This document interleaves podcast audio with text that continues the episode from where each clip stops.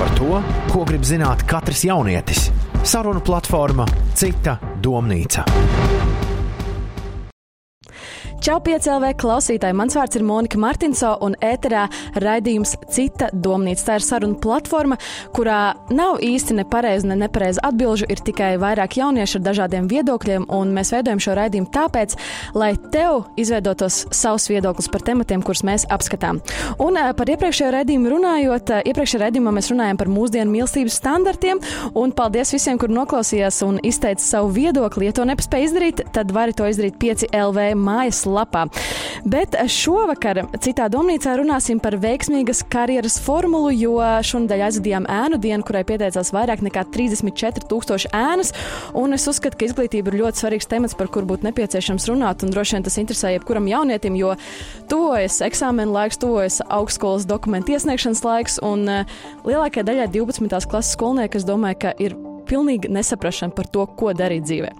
Un tieši tāpēc uz raidījumu esmu aicinājis trīs viesus.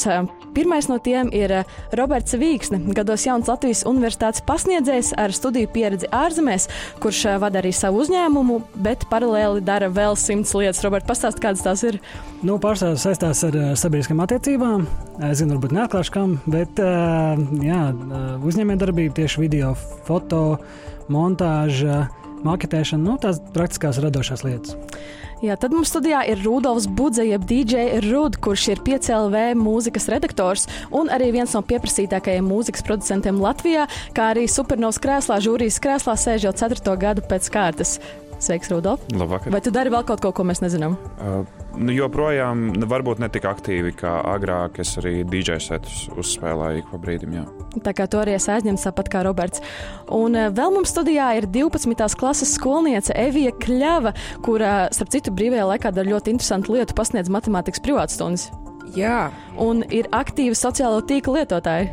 Arī Jā, piekrītu. Vai ir vēl kaut kas, ko tu dari, ko mēs nezinām? Varbūt varētu piebilst to, ka es pasniedzu privātstundas arī augstskolas studentiem. Wow! Tu mācies 12. klasē, bet pasniedz augstskolas studentiem? Jā. Wow! Interesants, super! Tā kā es domāju, ka mums izvērtīsies ļoti interesanta diskusija šodien. Un pirms mēs sākam, mēs noklausīsimies uh, mūsu radošās komandas Elzas un Emīla veidotu sižetu. Jo, kā jūs ja skatījāties iepriekšējā redzējumā, jūs pamanījāt, ka Elza un Emīls veidoja interesantu sižetu par mūsdienu mīlestības standartiem, tad šoreiz viņi to ir izveidojuši par izglītību par to, kā iegūt veiksmīgu karjeru, kā sasniegt, kādiem soļiem jāiziet cauri, lai nokļūt pie veiksmīgas karjeras. Tā kā uzmanība tam. Pasaulē ir pilns ar cilvēkiem, kuri ir pabeiguši deviņas klases un strādā savā sapņu darbā un pelna naudu. Tajā pašā laikā ir cilvēki, kas ir rāvušies vairākus gadus, mācījušies augstskolā vairākus grādus un arī strādā savā sapņu darbā, un vēl izbauda to, ka ir ieguvuši zināšanas. Un tad ir vidusskolnieks, cilvēks, kurš sēž 12. klasē un nesaprot, kādu ceļu vispār viņam izvēlēties. Beig beigās jau viena pareizā ceļa nav, Katrs atrod to savu ceļu, kuru iet un kurā atrast un izpaust sevi.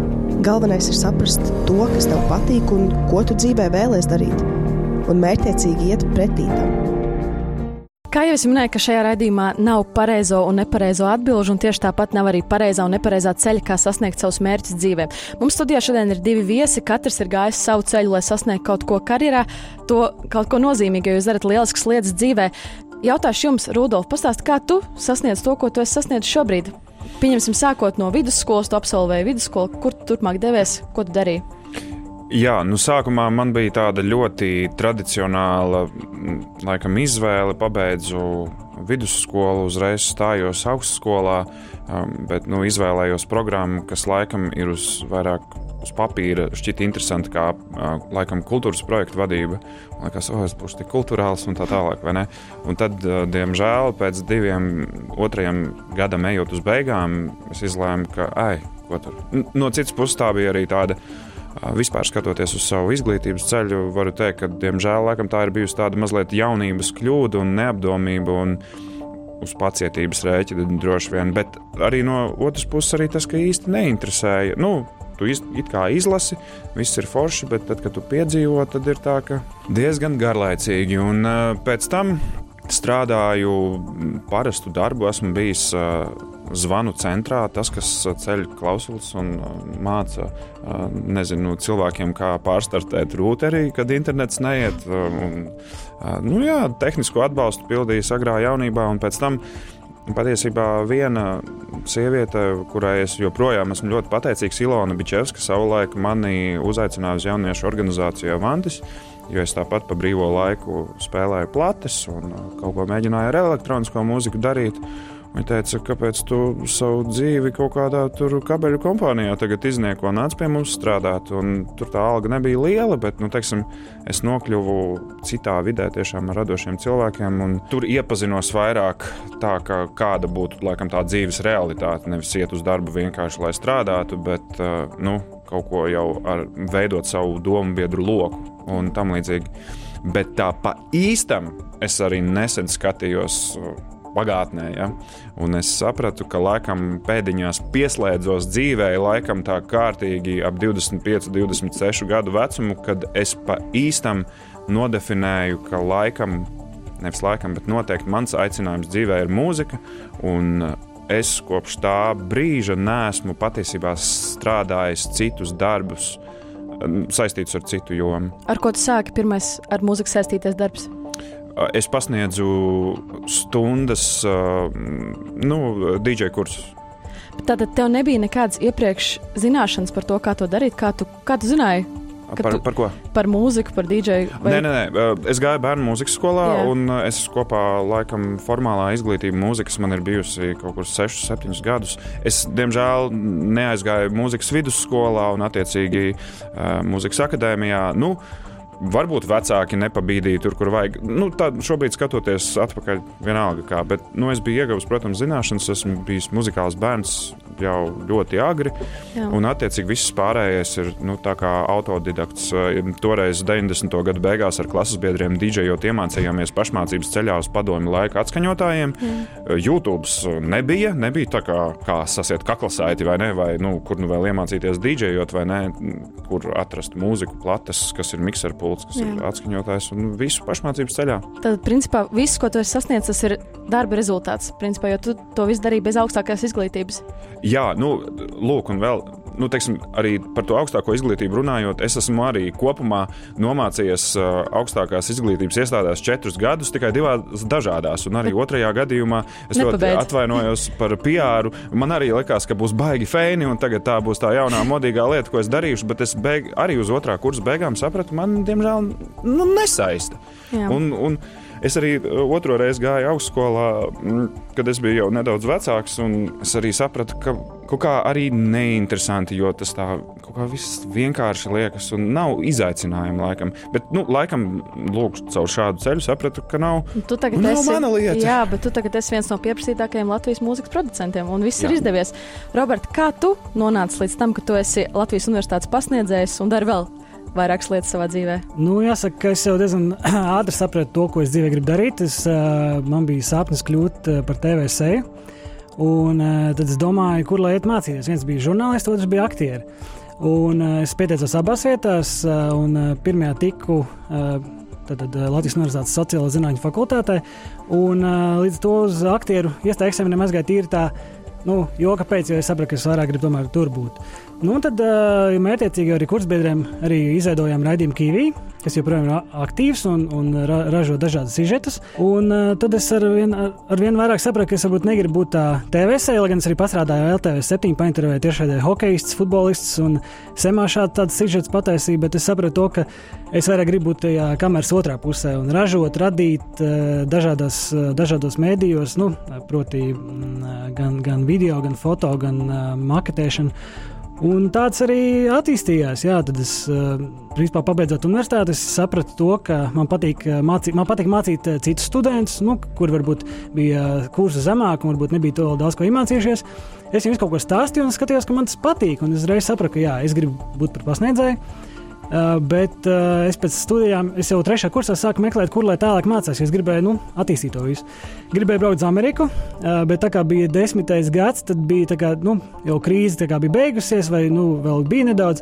Un es pat gāju pie vairākiem miljonāriem, zvanīju un prasīju, kas kā atbalstiet Ah, mani. Lai gribu- tev būtu līdzekļu studijām. Jā, jā, jo tas, tas, maksā, tas ir arī tā ir maksā- svarīga lieta. Uz Ameriku protams. aizbraukt, es biju izreikinājies to laiku, lai mācījos tur, kur es gribētu, vajadzēja aptuveni 100 tūkstošus dolāru. Nu, man pat bija tāds gadījums, ka es zvanīju vienam Latvijā ļoti zi- zināmam uh, miljonāram, teicu, klausies, baigā lieta, jā, nu, tā kā es, es izaugšu par baigo režisoru, jā, un tad visu ātri atmaksāšu. Viņš man vienkārši brutāli pasūtīja. Kurš tas bija? Nu, es varbūt neatklāšu, bet nu, jūs gan jau, gan jau nesen esat redzējuši mēdījos, viņš daudz apgrozās, daudziem ir palīdzējis, bet man, diemžēl, nepalīdzēja, nu, neko darīt. Oh. Varbūt piezīmēja nestundā, jo viņš tajā brīdī bija Austrālijā, un es atceros, ka es četros no rīta cēlos, lai, lai viņam zvanītu, un, un, un, un, bet, lai gan mēs nebijām pazīstami, un, un jā, viņš pateica, ieķīlāts savu dzīvokli, ko man zvani.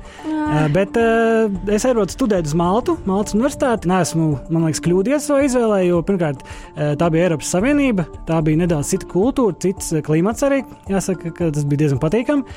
Uh, studiju maksa tur bija smieklīgi zema. Es maksāju 400 eiro gadā, jo to, to universitāti subsidē valsts, jo viņiem īsti nav citu resursu, ko, ko sūtīt uz āru, neskait, neskaitot uz milšakmeni un cilvēkus. Jā, interesanti. Vēl joprojām maksā 400 eiro tur studēt. Es nezinu, vai, cik tagad tā summa ir, bet nu, maģistra programmai bija 400 eiro gadā. un Līdz ar to es aizbraucu tur, studēju, papildus vēl mācījos mazā filmu skolā, kas tur bija. Jo Maltā ir ļoti attīstītā filmu industrija, jo daudz brauc no Amerikas tieši tur filmēt savus filmus. Un jā, atgriezos Latvijā un uzreiz taisnā ceļā devos uz uh, sociālo zinātņu fakultāti. Uh, Gribu būt pasniedzējis. Jā, teikt, nu, sākam, jā, un, un, un tad tā arī viss ā, aizgāja. Arī uzreiz nodibināja uzņēmumu, sāku filmēt, montēt, un nu, nenožēloju. Jā, super, ļoti interesants ir tavs dzīves ceļš iesācies. Evi, jautājums tev, tu mācies 12. klasē, vai tu zini, ko tu vēlēsies darīt dzīvē? Vai tev ir šāda jau vīzija aptuveni kā šiem diviem jauniešiem, kuri jau ir daudz ko sasnieguši savā dzīvē? Uh, man bija ļoti, man šī izvēle vispār, godīgi sakot, nāca ļoti grūta, tāpēc, ka man padodas eksaktie priekšmeti, bet uh, man ļoti tuva arī humanitārā puse. Un, ja mēs paskatāmies pēc tā, kā, tā saucamā background, tad man tuvāk un stiprāk ir humanitārā puse. Uh, jo es arī esmu gājis mūzikas skolā, es esmu pabeigusi mūzikas skolu, braukājis pa konkursiem un tā tālāk. Beigās izvēlējos humanitāro, sapratu to, ka nu, Latvijā tas laikam nesanāks. Jo, un tad skat, sāku skatīties uz ārzemēm. Tā Kāpēc Latvijā nesanāks? Uh, humanitārajām zinātnēm Latvijā ir ļoti nepieciešams centralizētā Latvija, latviešu valodas centralizētā eksāmena rezultāti. Katram nesanāk kāds priekšmets, un, diemžēl, latviešu valoda ir tas priekšmets, kas man nesanāk. Vai tu būtu gatavs tagad braukt prom uz ārzemēm? Vienīgais, kas man notur Latvijā, ir mans suns, teiksim tā. Bet vai tu pēc tam, ja tu iegūtu izglītību ārzemēs, tu gribētu atgriezties Latvijā un strādāt? Vai tu jau skaties caur tādu prizmu, ka tu tur arī paliktu ārzemēs? Es negribu izklausīties ļauni, bet uh, Latviju es redzu vietu, kur es gribētu novecot. Uh, tā kā aizbraukt tur, sapelnīt naudu, dabūt, piemēram, tās pašas Anglijas pensiju, un pēc tam atbraukt uz Latviju un uh, kaut kur pie jūras, es nezinu, kaut vai būdiņā. Robert, kāpēc izvēlēties studēt Latvijā, nevis ārzemēs? Varbūt pastāst tevijai. Es gribu, gribētu varbūt nedaudz lauzt to mītu, ka esmu tikai atbalsts tikai to, ka jāiet studēt. Eh, Nu, es domāju, tā ir katra cilvēka paša izvēle un uh, viņa pieredzes. Un es domāju, ka katram uh, vajag, nu, mācoties vidusskolā, vajag aiziet uz izstādes skolu, vajag aiziet uz atvērtajām durvju dienām. Kur parunāt- arī būs starp citu? Jā, parunāt ar citiem studentiem, ko viņi domā, kā viņiem patīk. Jo nu, es zinu to, to augstskolu, par to kultūras menedž- menedžmentu. Es zinu, ka tur nu, esmu dzirdējis dažādas atsauksmes, jā, bet uh, es zinu to, ka, ka tur varbūt tā izglītība nav tik laba kā varbūt citā universitātē. Es nezinu, tas, tas tā nu, no saklausīts. Jā. Uh, bet uh, daudz kas ir atkarīgs no tā, ko tu, ko tu Dzirdi. gribi darīt. Ko Jā, tu gribi arī- darīt pirmkārt, daudziem, piemēram, ir problēmas arī ar piemēram, valodām, jā, ar finansējumu. Jā, daudziem vecākiem nevar palīdzēt uh, aizbraukt studēt uz ārzemēm. Es, piemēram, uzskatīju tā, ka nu, to pamatus ieguvu Latvijā. Es biju baigi priecīgs par to. Es uh, tiešām ļoti, ļoti daudz ieguvu.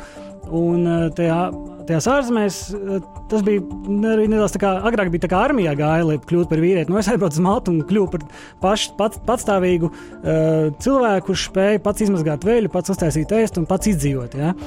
Bet es vienmēr zināju to, ka es gribu atgriezties Latvijā, jo Latvija tā ir, tas ir mājas.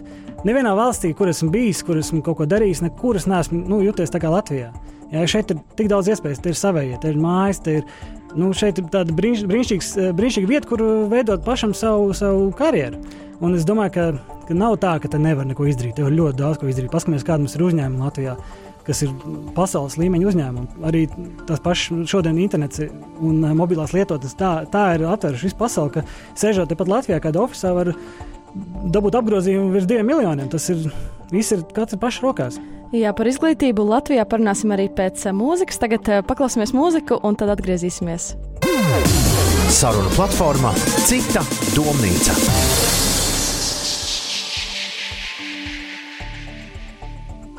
Mans vārds ir Monika Martinso, un šovakar runājam par veiksmīgas karjeras formulu. Un tieši tāpēc studijā ir Latvijas Universitātes pasniedzējs, un, uh, kurš vada savu uzņēmumu un paralēli dara vēl ļoti daudz lietas. Tas ir Roberts Vīksne.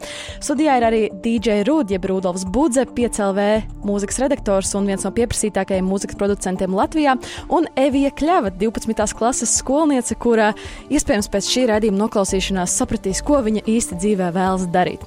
Un pirms mēs turpinām ar sarunām, es vēlētos pievērst pievērst uzmanību uh, kādam Zandas Rubenes, Latvijas Universitātes profesores uh, citātam, kur viņa rakstījusi par milēniāļiem, kurš man likās ļoti interesants. Noklausījos viņas lekciju arī internetā, YouTube. Un citāts skan tā: Milēniāļiem ir arī īpaša attieksme pret izglītību. Tikai 40% uzskata, ka izglītība nosaka cilvēka nākotni. Lai arī kopumā izglītība šai paudzei ir svarīga, taču tiek uzsvērts tās sniegto reālajā dzīvē izmantojamo kompetenci aspekts. Augstākās izglītības diploms nav kritērijs labam profesionālim. Daudz nozīmīgāk ir tīklošanās, prasme reaģēt uz pārmaiņām un radīt inovācijas. Milēnijāļi ļoti novērtē materiālās iespējas, ko sniedz izglītība, taču nav tendēti šo naudu krāt mājoklim vai mistiskai nākotnē, bet gan dzīves baudīšanai tagadnē. Piekrītu par visiem simts, it īpaši manā jomā kur gan kā mūzikas redaktors, gan kā mūzikas producents, gan arī kā, nu, labi, DJs varbūt nav tāda cēla profesija. bet kopumā. Tāpat tu ar to pelnu naudu, un kāda atšķirība, ko tu jā. dari, ja tu, tas ir tas, ko tu dari dzīvē. Tas nav nekas necils, ne, neviena profesija nav nekas necils. Es domāju, nekad nevarētu tā teikt. Jā. Es vienkārši domāju, ja ar kaut kādām mākslinieckām izmaiņa ambīcijām mainīt kaut ko vai ne, vai attīstīt kaut kādu jomu, kā, nu, man, mana, mana dzīves misija ir, ja popmūzika Latvijā, es gribu to iznest aiz robežām, bet Latvijā, nu, kur tu mācīsies? Piemēram, popmūzikas producēšanu, visu cieņu mūzikas akadēmijai, ka salīdzinoši nesen, nu, nesen, jau pirms vairākiem gadiem viņas uh, uzsāka skaņu režisoru kursu. Uh, un, uh, toreiz es arī gāju uz pirmajām tām konsultācijām, un tad es sapratu, ka tur ir ļoti, ļoti nepieciešams mūzikas teorijas zināšanas, un viss, kas ir principā pabeidzot bērnu mūzikas skolu vai apmēram mūzikas vidusskolas līmenī kas ir forši, bet viņi gatavo tātad skaņu režisorus. Tāda sajūta bija, ka viņi gatavo skaņu režisorus operai, kas arī ir labi. Bet tas lielākā daļa eh, cilvēku, kas izrādīja interesi par šo kursu, bija vīlušies. Tie bija līdzīgi tev domājoši, kuri um, grib par popmūziku. Jā, par mūsdienu mūziku, jo, piemēram, ārzemēs vēl nesen esmu saticies ar cilvēkiem no uh, ir BIM, tātad ir British Institute of Modern Music. Un tur cilvēki ir ar grādiem, un viņi nu, tādi paši kā tu, vai ne? Kad Jā. tu aizbrauc uz dziesmu rakstīšanas nometnēm, ja? vai tas pats nu, mūzikas redaktors, kas ir ļoti, protams, specifisks amats, un iespējams visā Latvijā ir kādi nu, desmit, nu, labi, 20. Bet arī, nu, kā īsti, žurnālistika ir viens aspekts, to es pamācījos mācoties sabiedriskās attiecības, vai ne? Bet tas, ka te, kā tev jāklausās mūzika, kas tev jāanalizē un tā tālāk, un tas ir, nu, tāda pie mums tāda dzīves laikā iegūstama man pieredze. Un, teiksim, DJings man ir ļoti palīdzējis arī tādā, ka tu pierodi pie disciplīnas, ka tev ir jāklausās daudz mūzikas un ļoti bieži garlaicīgas lietas jādara. Tas tev vienkārši pieradina pie tādas disciplīnas. Un beig, beigās tu apvienojot šo kokteili ar prasmēm, pieredzēm, kaut kādu intuīciju arī, tad tu nonāc tur, kur tu nonāc. Tieši tā, manuprāt, viena no vērtīgākajām īpašībām ir individualitāte un prasmu apkopot. To, ka tu spēj apkopot dažādas prasmes, ko tu esi iegūstis, tas ir tas, ko, manuprāt, novērtē šobrīd arī darba tirgu cilvēki. Un, uh, mēs paskatīsimies vēl uz kādiem datiem, uh, atsaucoties uz tikko dzirdēto Latvijas Universitātes profesora Zandas Rubens citātu par uh, to, kā ir samazinājies studēt gribošo un tie, kas iestājušies augstskolā skaits. Tātad mazāk, arvien mazāk cilvēku iestājas augstskolā, arvien mazāk cilvēku arī pēc tam absolvē. Nākamajā bildē varam redzēt. Un, eh, kā jūs to komentētu, Robert, kā jūs to komentētu? Nu, vienkārši demografiskā situācija valstī un tas, ka pēc krīzes mēs zinām, ka ļoti daudz uh, latviešu aizbrauc ar visām ģimenēm. Un arī tas bija tas krītājs demogrāfijā. Es domāju, ka nu, šobrīd vēl nav tas, tas izmainījies. Tas joprojām vairāk nomirst nekā piedzimis, bet es domāju, ka attīstoties ekonomikā un redzot pašreizējos rādītājus, domāju, ka tas varētu mainīties. Bet eh, es piekrītu arī tādam eh, teicienam un faktam, ka mums ir pārāk daudz augstskolu Latvijā. Un līdz ar to tā kvalitāte kaut kādā ziņā arī sāk libot. Eh, bet es gribēju varbūt par to iepriekšējo piebilst tēmu. Par milēniāļiem? Principā jā, par milēniāļiem. Jā. Šeit arī jautājums varbūt, vai ne, nezūd arī vēlme tomēr stāties ne, uz tur ir- nu, Tas varētu- augstskolā. tas šis te citāts parāda- ir taisnība, Tas ir, tas ir atkarīgs no tā, rezultāti ko tu parāda. mācīties. Piemēram, es negribētu iet pie zobārs, kurš ir iemācījies pašmācības ceļā, kā labot zobus. Nu, jā, To protams. Tas ir, tur katrā, piemēram, es piekrītu, ka mūzikas industrijā Latvijā varbūt nav.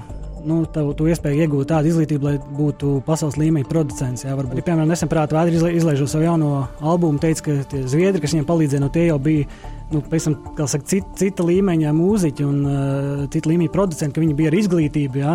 Uh, nu, tas arī parāda to, ka varbūt uh, attīstīt šo jomu Latvijā tīri, lai nu, mācītu jaunos, nākamos uh, cilvēkus. Jo, jo mm, šī nozara, es domāju, ka nu, mēs esam dziedātāji tauta, jā, dejotāji tauta, un es domāju, ka šis tā kultūras puse ir ļoti svarīga, lai veicinātu latvisko identitāti. jā. Es tieši ļoti labi, ka tu pieminēji par Zviedriju, jo es nesen izlasīju tādu grāmatu, kas saucas The Song Machine, How to Make a Hit, un tur viss ir arī uzrakstīts par Zviedriju. Tā bija dažu cilvēku ambīcija, ka Zviedrija dominēs popmūzikā pasaulē. Tā arī ir. 80. gadu beigās viņi vienkārši to izlēma un tā kā apsēsti gāja uz to.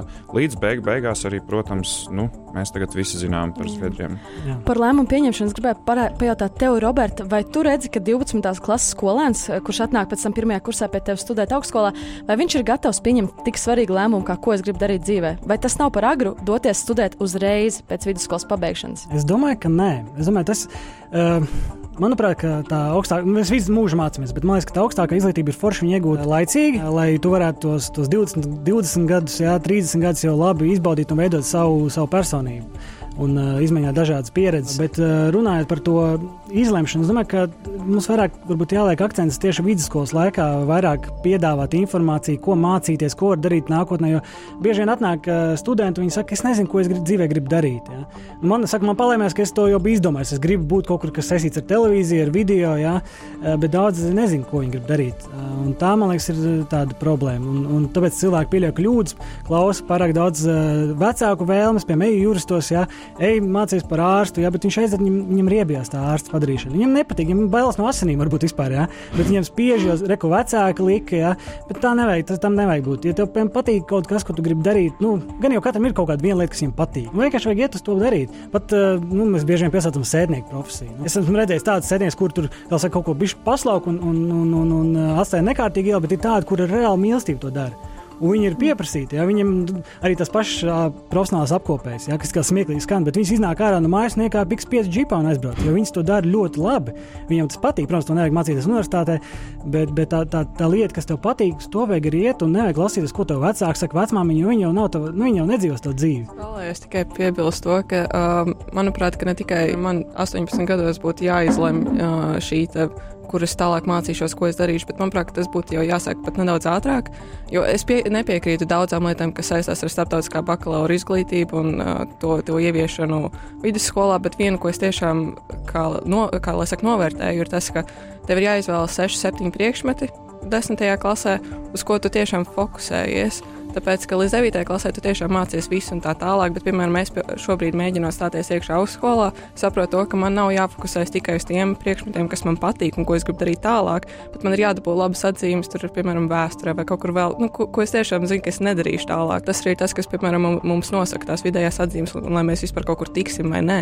Roberta, pastāsti, kāpēc labāk izvēlēties studēt bakalauru, nevis apmeklēt kādus kursus? Manā pieredzē tā, ka es gribēju kļūt par pasniedzēju. Un, uh, bet, nu, labi, to es izdomāju tikai studēt bakalaura. Gribu grib veidot to akadēmisko karjeru, tad uh, tiem, tiem grādiem ir jābūt. Un jāsaka godīgi, ka uh, runāt ar, ar dažādiem darbdevējiem, viņi diezgan saka, par pilnu to, to ka tev ir bakalaura grāds. Tas nozīmē, ka tu esi izgājis caur kaut kādām grūtībām, jo iegūt bakalaura, nemaz, lai gan daudz uzskata, tas ir viegli, tas nav tik viegli Disciplīna. disciplīna, jā, kā saka, sekmīga kursa pabeigšana. Jā, un, un jāsaka, arī, ka nav tā, ka tu nomācies tos trīs gadus un tu ne, tev nekas nav nācis klāt. Nu, ir, ir, ja tu esi ticis caur tam bakalauram, tev kaut kādas prasmes un, un domas un, un varbūt redzesloks ir pamainījies. Es Bet, nu, jā. bet nu, tas nav, protams, ir, ir, ir arī tādi nu, unikāli gadījumi, kad cilvēks nemācās, jā, un, un, un, un ir tiešām spilgta personība, bet nu, tādu, es teiktu, nav daudz. Es tieši domāju, ka augstskola iemāca domāt, vienkārši domāt, ko tu vēlēsies dzīvē. Un, Rudolf, vai tev ir kādreiz bijis tāds brīdis, kad tu domā, ka vajadzēja tomēr iegūt šo augstāko izglītību, ka tev kaut kur ir prasījuši iespējams, un varbūt tu neesi iegūst kādu darbu?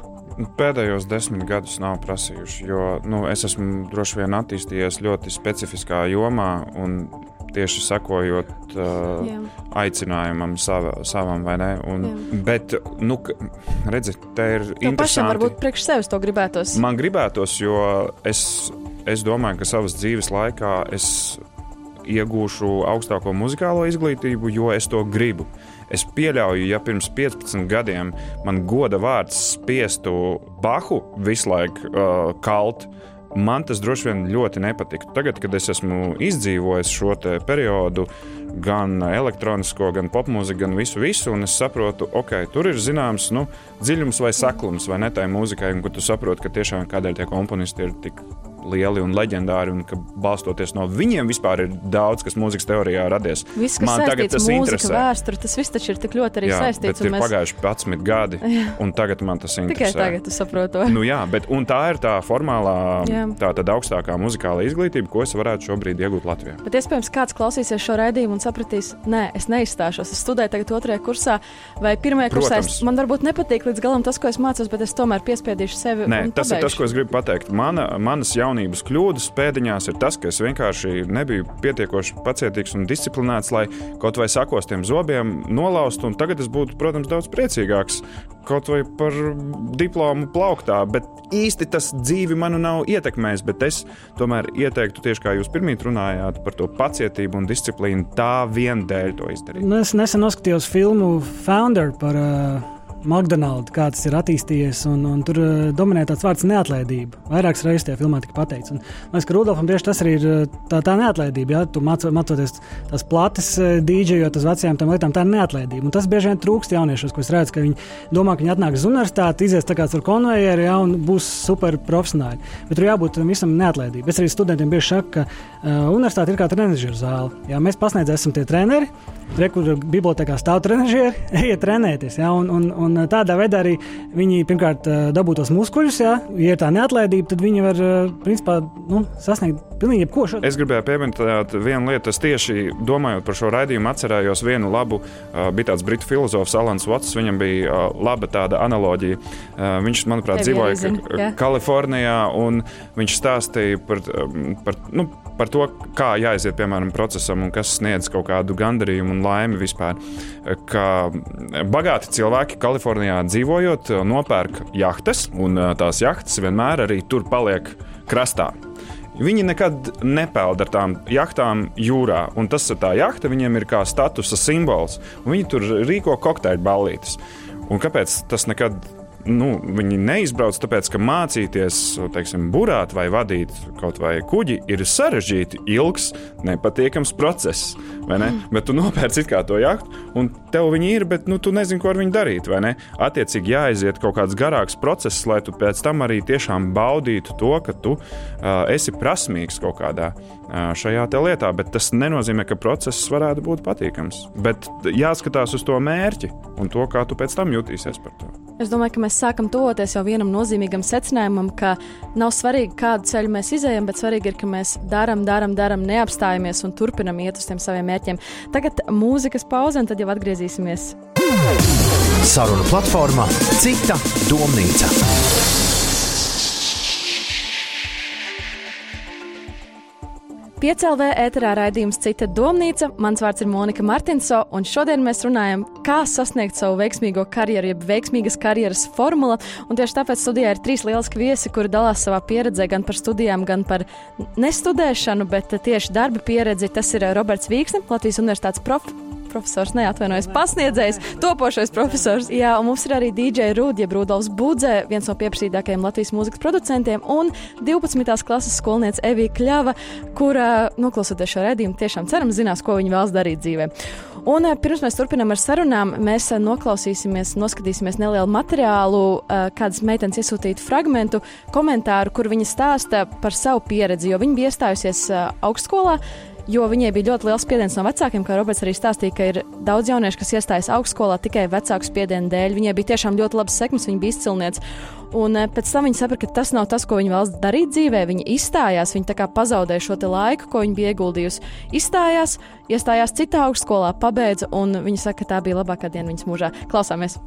Pagājušajā gadā es absolvēju Jāzepa Vīto Latvijas Mūzikas akadēmiju, bet tas mani neapstādinās, tāpat turpinu sev attīstīt. Sākotnēji, kad es mācījos vidusskolā, man bija citas uh, iedomas par to, kur es studēšu. Es biju teicamniece, labām atzīmēm. Visi man apkārt teica, ka ar tādu apņēmību, ar tādu galvu kā man, ir jāstājās tikai stradiņos medicīnā.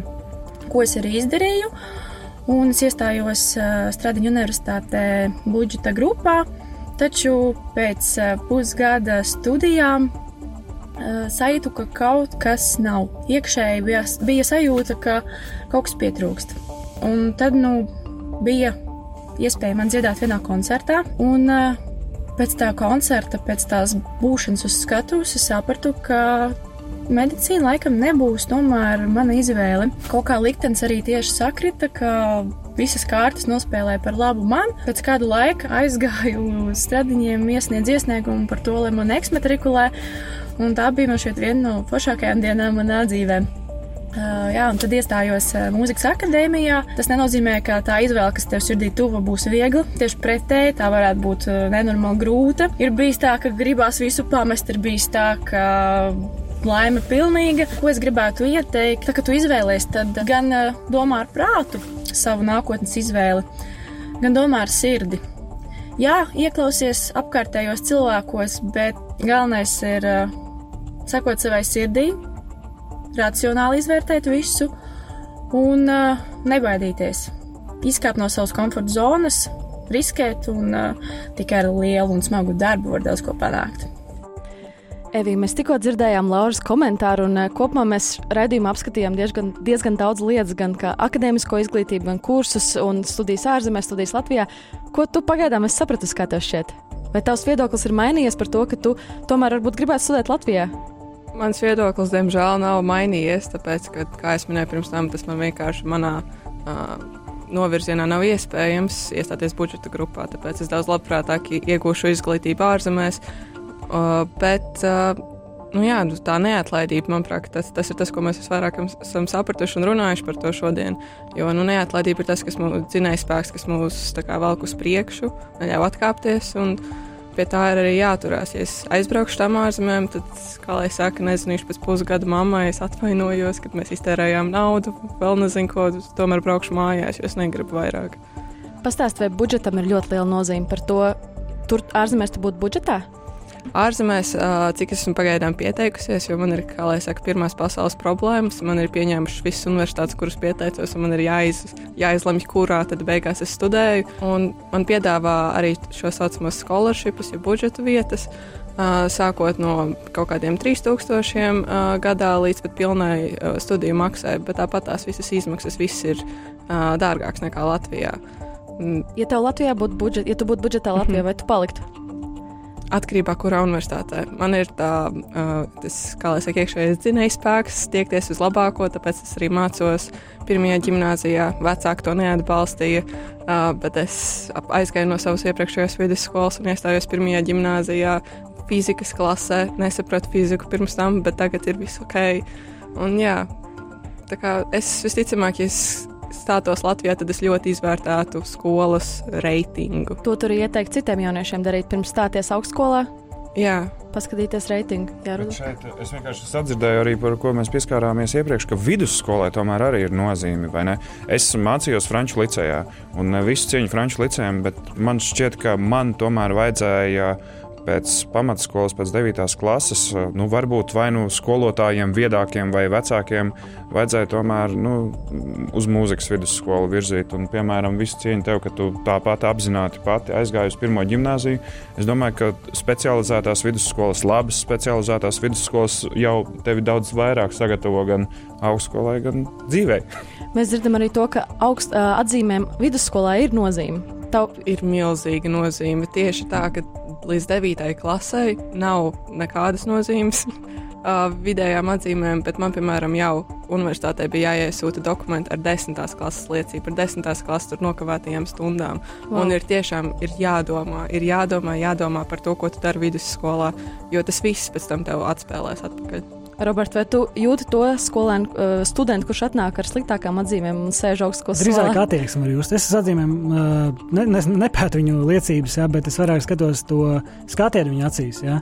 Vai viņi te, lekcijas laikā sēž telefonā, vai viņi tiešām klausās un pēc lekcijas nāk uzdot papildus jautājumus un grib kaut kur atnākt pa, paēnot, jā, vai aiziet kaut kur kopā pafilmēt. Tas bieži vien studentiem tā dažreiz ir tādu, nu, tādu tā pārbaudu, piedāvāja kaut kur atnākt līdzi uz haltūru, jā, paskatīties, kā notiek filmēšana. Nu, parasti atnāk viens, divi, trīs, varbūt dažreiz nenāk neviens. Tas man dažreiz apbēdina, bet tie, kas atnāk, tie es redzu, ka, nu, pasolītim, pasolītim, bet viņi jau trešajā kursā pelna diezgan labu naudu. Jau. Bet es gribēju Evijai vēl pateikt to, ka uh, brauc mācīties uz ārzemēm, bet obligāti brauc atpakaļ. Jo tāda cilvēka kā tu un tā doma gājiena vajag šeit pat Latvijā. Ja? Latvija jāveido par labāku valstu un brauc mājās pie mums. Būvēsim kopā šo valsti. Un tātad tev jautājums, kāda ir galvenā lieta veiksmīgas karjeras formulā? Nu, droši vien tas pats, ko mēs vairākas reizes pieminējām, tā ir tā neatlaidība. Neatlaidība un uh, drosme arī mēs skatījāmies tos meitenes to stāstu. Man arī, man, jā, Lauras stāstu. Man kurs arī bija pagājušajā gadā absolvēja meitene, kura atnāca no mediķiem, arī no mediķiem, un uh, jau bija krietni vecāka par citiem studentiem, bet viņa ļoti, viņa ļoti patika žurnālistika. Un pēc tam viņa strādāja aizliegtajā paņēmienā, un principā bija pie aizliegtā paņēmiena diviem no lielākajiem uh, sižetiem piedalījās. Bija kā slepena aģenta, un viņš joprojām strādā žurnālistikā. Tas ir tiešām liels veiksmīgs stāsts par drosmi, neatlaidību un izdošanos. Klau, man ir jautājums tev, kā pasniedzējiem, vai ir bijušas situācijas, kur tu tiešām apsēdies pie studentu un pasaki, klausies, tu šī nav tava lieta. Labāk, varbūt es tev varu ieteikt, aizej tur un tur un tur, ka varbūt netērē savu dzīvi un savu jaunību šim, ja tev tiešām šis neinteresē. Tas mm. ir svarīgs ar citu pateikt to arī. Arī pasniedzējiem, man liekas, tas ir jāredz. Es redzu dažreiz, bet viņi nav, nav tas lielais vairākums. Es vairāk uh, tērēju savu enerģiju uz tiem, kuri, kuri tiešām, kuriem deg acis. Jā. Nu, es esmu teicis nu, to, ka kādam jau ir bijuši arī tādi gadījumi, ka cilvēks, man bija viens uh, students, kurš bija. Jāsaka, arī viņš mīlēja uzsmēķēt marihuānu. Viņš bija diezgan tāds pa gaisu dzīvē mētājās, bet viņš atnāca uz. Uh, iemācījās filmēt, iemācījās montēt, un šobrīd viņš ir vienā no Latvijas vadošajiem sporta tiešraižu, un ne tikai sporta tiešraižu operatoriem. Viņš tiešām ir nu, tāds veiksmīgs stāsts, ka cilvēks, kurš kā, uz kuru sākumā skaties kā uz nu, padibēnu vai kaut kādu tādu, kas, kas varbūt ir dzīves, nu, ka viņam nekas neizdosies, viņš izmainījās, tiešām atplauka un, un, un ļoti priecīgs. Jā, Evi. Es tikai vēlējos piebilst to, ka Nu, varbūt tā marihuānas pīpēšana tas ir cits stāsts. Tas bija vienkārši mēs par nu, nē, nu, jā, protams, vien, bet es vienkārši arī uh, dzīvē neizskatos pēc tāda cilvēka, kā, kā lai saka, man galva strādā. Jo man ir tetovējumi, man ir piercingi, man ir. Tas vispār šodien vairs nav. To teorētiski, jā, bet to es pat nevaru. Vecāku gājumu cilvēkam tas ir svarīgi. jaunie, jaunie pasniedzēji, viņi, viņi, nu, piemēram, es, es neskatos, kāds tev biks kājas, vai kā tu, vai tu, vai tu atnāc ne ar naigu botām. Jā? Nē, es skatos vairāk, kāds tev acis skatiens, jā? vai tev ir tā vēlme kaut ko darīt darīt. Ja mēs pirms 20 gadiem runājām, tad jau divas viņam tetovējums ārpus, tas taču ir narkomāns. Ja? Tā vairs nav. Mēs dzīvojam citā nav. laikā, protams. Tā paudzes mainās tieši tā, tāpat arī par, mainās, par tām pašām homoseksualitāti. Jā, jā. Arī, nu, agrāk tas bija ārprāts, ārprāts. Nu, nē, nu, cilvēkam ir tāda vēlme, nu, vai, tā, tāda, tāds, tāds viņš ir. Mēs jau skatāmies uz to cilvēcisko pusi. Tieši tā. Padosies tādām absolūti uh, vecāko pauģu dogmām un mantojumiem, jo arī grūtāk būs kaut ko izmainīt. Nav jums jānes līdz tās pašas dogmas, kas mūsu vecākiem, vai ne? Jā, mēs esam jaunā paudze, un tomēr un mēs varam nākt ar saviem noteikumiem, un tomēr pielāgojas jau jaunajai paudzei arī. Jā, pasaul... paudzei ir jāsaprot tas, ka jaunie ienāk viss nebūs tā kā manā laikā. Jā, pasaule ir tagad. Jā, nu. jā, es domāju, ka par šiem tematiem, par paudžu atšķirībām mēs parunāsim arī citos raidījumos. Šodien mēs esam nonākuši līdz raidījuma nobeigumam, un es domāju, ka secinājums ir tāds, ka ir jāklausa savai sirdsbalsī, ir jāklausa arī savam prātam, ir jāsaprot, eh, jāizskata vairākas opcijas, kā izvēlēties savu pareizo dzīves ceļu, un galvenā lieta ir būt neatlaidīgam, strādāt, strādāt, strādāt, lai sasniegtu savus mērķus. Es domāju, ka tā ir pati galvenā lieta, lai kaut ko sasniegtu dzīvē. Un eh, paldies viesiem, šīs dienas viesiem, Robertam Vīkstam, Latvijas Universitātes pasniedzējiem, DJ Rudu, Rudolfam Budzem mūzikas producentam Latvijā un Evijai Kļavai, 12. klases skolniecei. Paldies, ka atnācāt! Bija ļoti forša saruna. Un, Tev, klausītājs, teikšu, ka neaizmirsti izteikt savu viedokli par šo raidījumu, ko tu domāji, kā tev patika, ko tu gribētu pamainīt, ko tu gribētu ieteikt. Raksti to komentāros 5LV lapā, un mēs gaidīsim tavu ziņu arī cita domnīca at 5.lv. Mans vārds ir Monika Martinso, bija kopā ar tevi visu raidījumu laikā, un mēs tiksimies jau pēc nedēļas, kad raidījumā runāsim par interneta jeb virtuālajiem trendiem. Tiekamies! Par to, ko grib zināt katrs jaunietis. Sarunu platforma Cita domnīca.